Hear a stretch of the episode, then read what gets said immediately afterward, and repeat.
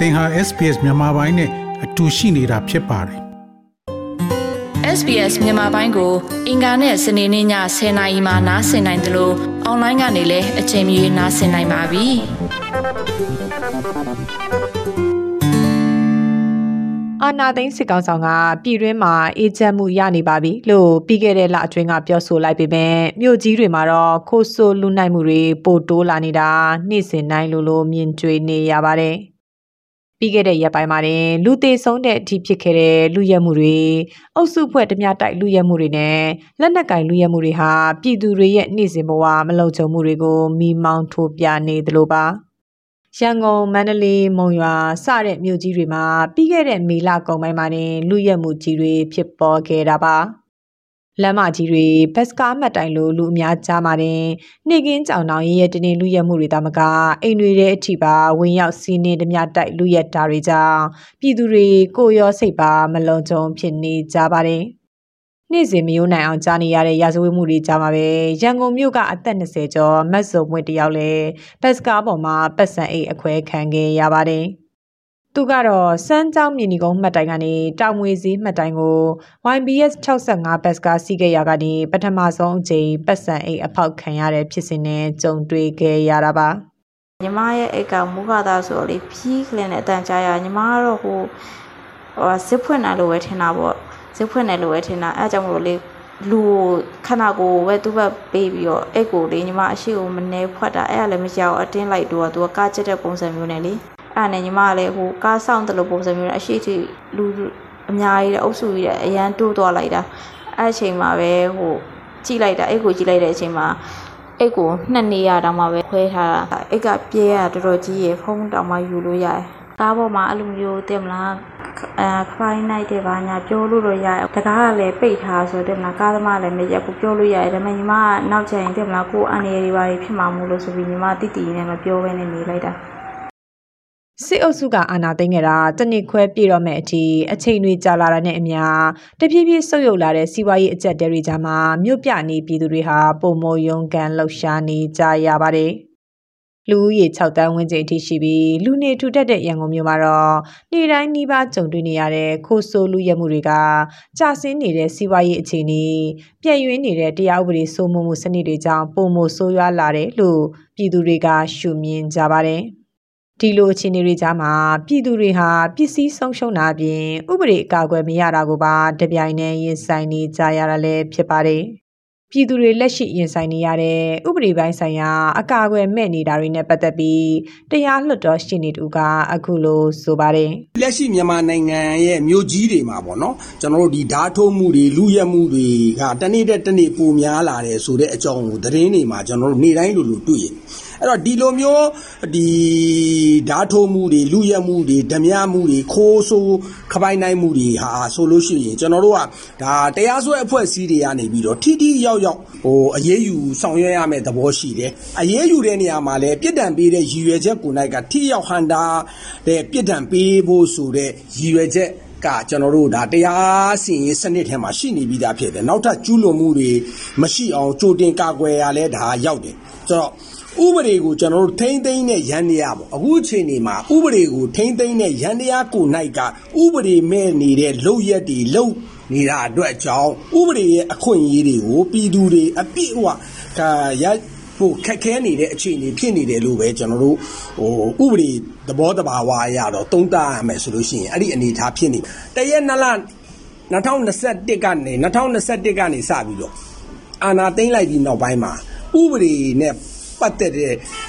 အခွင့်အရေးတွေပဲဖြစ်ဖြစ်ဥပဒေအရရရှိခံစားပိုင်ခွင့်ရှိတယ်ဆိုတဲ့ဟာတွေဖြစ်ဖြစ်အားလုံးဟာကျွန်တော်တို့ဘယ်လိုဖြစ်နေလဲဆိုတော့ကန့်တက်ခံနေရတဲ့ရုပ်သိမ်းခံနေရတဲ့အခြေအနေဖြစ် အာနာသိန်းကာလာမြို့ပြအနေပြည်သူတွေကြားခက်စိတ်စိတ်ကြားနေရတဲ့သတင်းဆိုတွေကတော့လုံခြုံရေးအဆောင်တွေရှိနေတဲ့ဗန်တွေဓမြတိုက်ခံရတာနေကင်းဘက်တင်နေအိမ်တွေနဲ့ဆိုင်တွေလူရက်ခံရတာစပိန်ဆိုင်ကယ်စီးနေရင်အလုခံရတာဈေးသွားဈေးပြန်အလုတ်သွားအလုတ်ပြန်လမ်းလျှောက်နေရင်ပတ်ဆိုင်အိမ်ဖုံစတာတွေအလုခံရတာစတဲ့ဖြစ်စဉ်တွေပါ ရာဇဝတ်မှုတွေကိုနှီးမျိုးစုံအသုံးပြုကျိုးလွန်လာနေကြလို့မကြုံဘူးတဲ့ဖြစ်စဉ်အသစ်စမ်းတွေဟာလည်းမြို့ပြပြည်သူတွေအတွက်စိုးရိမ်ထိတ်လန့်စရာဖြစ်လာပါတယ်။ပြီးခဲ့တဲ့မေ30ရက်ကရန်ကုန်မြို့ကြည်မြင့်နိုင်ကအသက်80အရွယ်အဖွားအိုတဦးနဲ့အမျိုးသမီးတဦးသာရှိတဲ့နေအိမ်တစ်လုံးကိုလက်နက်ကင်လူဆယ်ဦးခန့်နေကင်းကြောင်တောင်ဝင်လာပြီးငွေနဲ့လက်ဝတ်ရတနာတွေယူဆောင်သွားတဲ့ဖြစ်စဉ်ဟာဟိုလီတကြောဖြစ်ခဲ့ပါတယ်။ ဒါအပြင်မေ26ရက်ကလည်းမန္တလေးမြို့ချမ်းအေးတာဆန်မှာ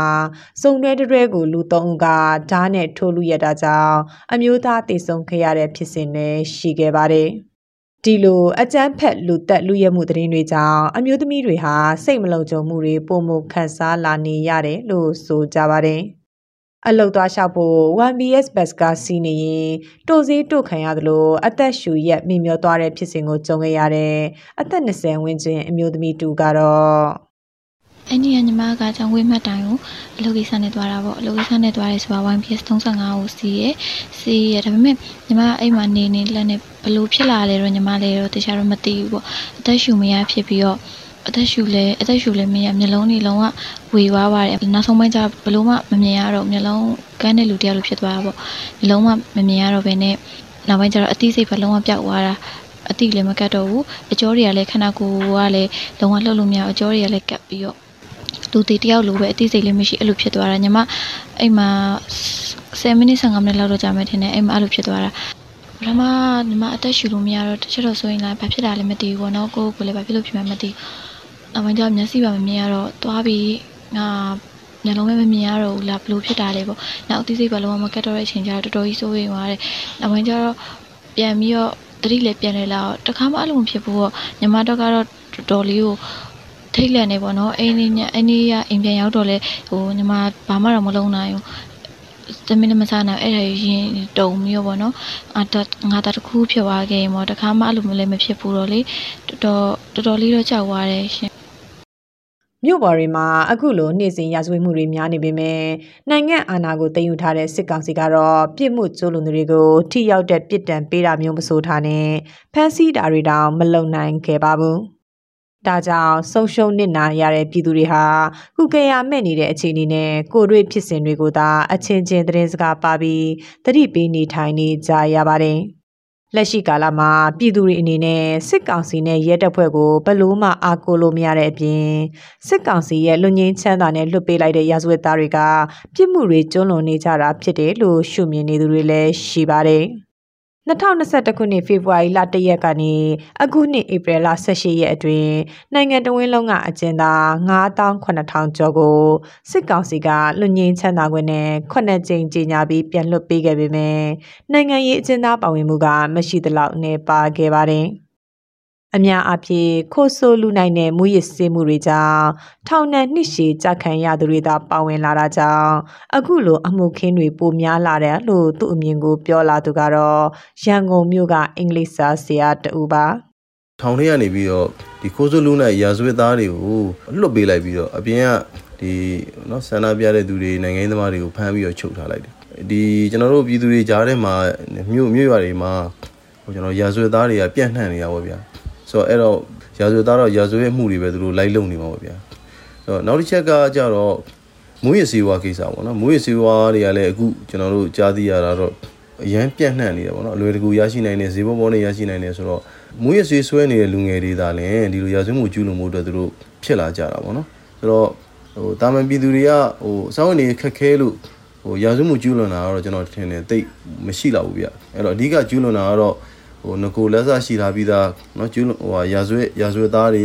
ရထဲမှာပြန့်နေနေတယ်နောက်တစ်ခုကမူရစေးတွေနဲ့အရင်ပြန့်နေနေတဲ့ကြောင့်မူရစေးဝါသားကောင်တွေပေါ့နော်အဲအဲသူတို့တွေကအဓိကလောက်ကြတာပေါ့နော်အဲ့လိုမြင်တယ်နောက်တစ်ချက်ကကြတော့ပြည်သူတွေကလည်းအခုလိုရာဇဝတ်မှုတွေအခုဖြစ်နေနေရတဲ့အနှံ့ပဲတွားလည်းမတိုင်ရကြဘူးကျွန်တော်လည်းကြားနေတာကျွန်တော်နားဒီမှာဆိုတချို့တွေအလူခံလိုက်ရတဲ့လူတွေရှိတယ်နေကင်းကြောင်တော့ညနေခင်းစသဖြင့်ပေါ့နော်ဒါပေမဲ့ဟိုတွားတိုင်လည်းဘာမှမထူးတဲ့ချိန်တွေဖြစ်နေတာလी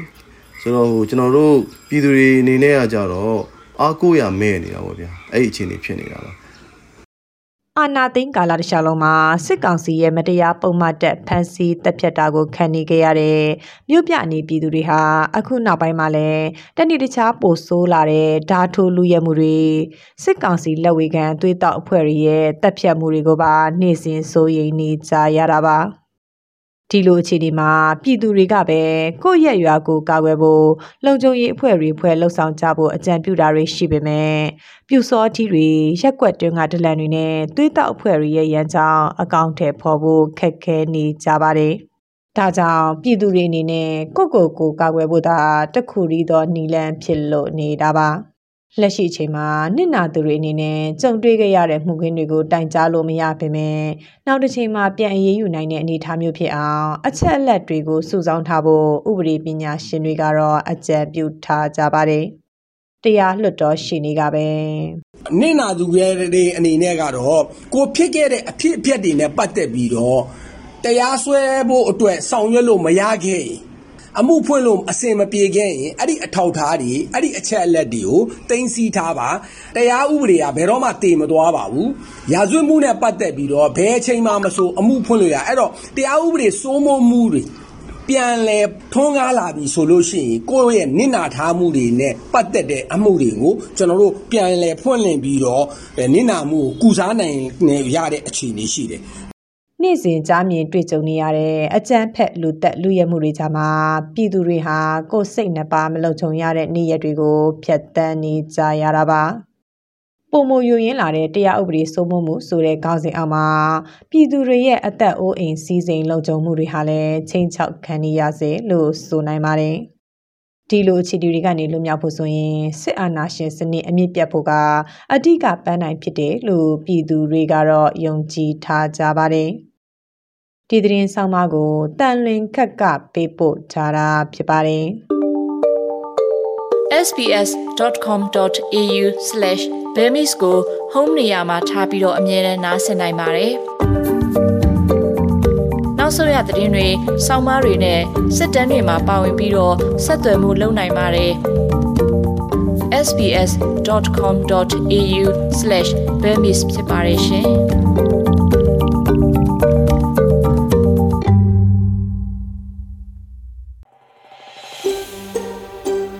ဒါမျိုးသတင်းဆောင်မတွေကိုပိုနားဆင်လိုပါလား Apple Podcast Google Podcast Spotify တို့မှာသင်ပင်ရာဖြစ်ဖြစ်ရယူတဲ့ podcast കാണുക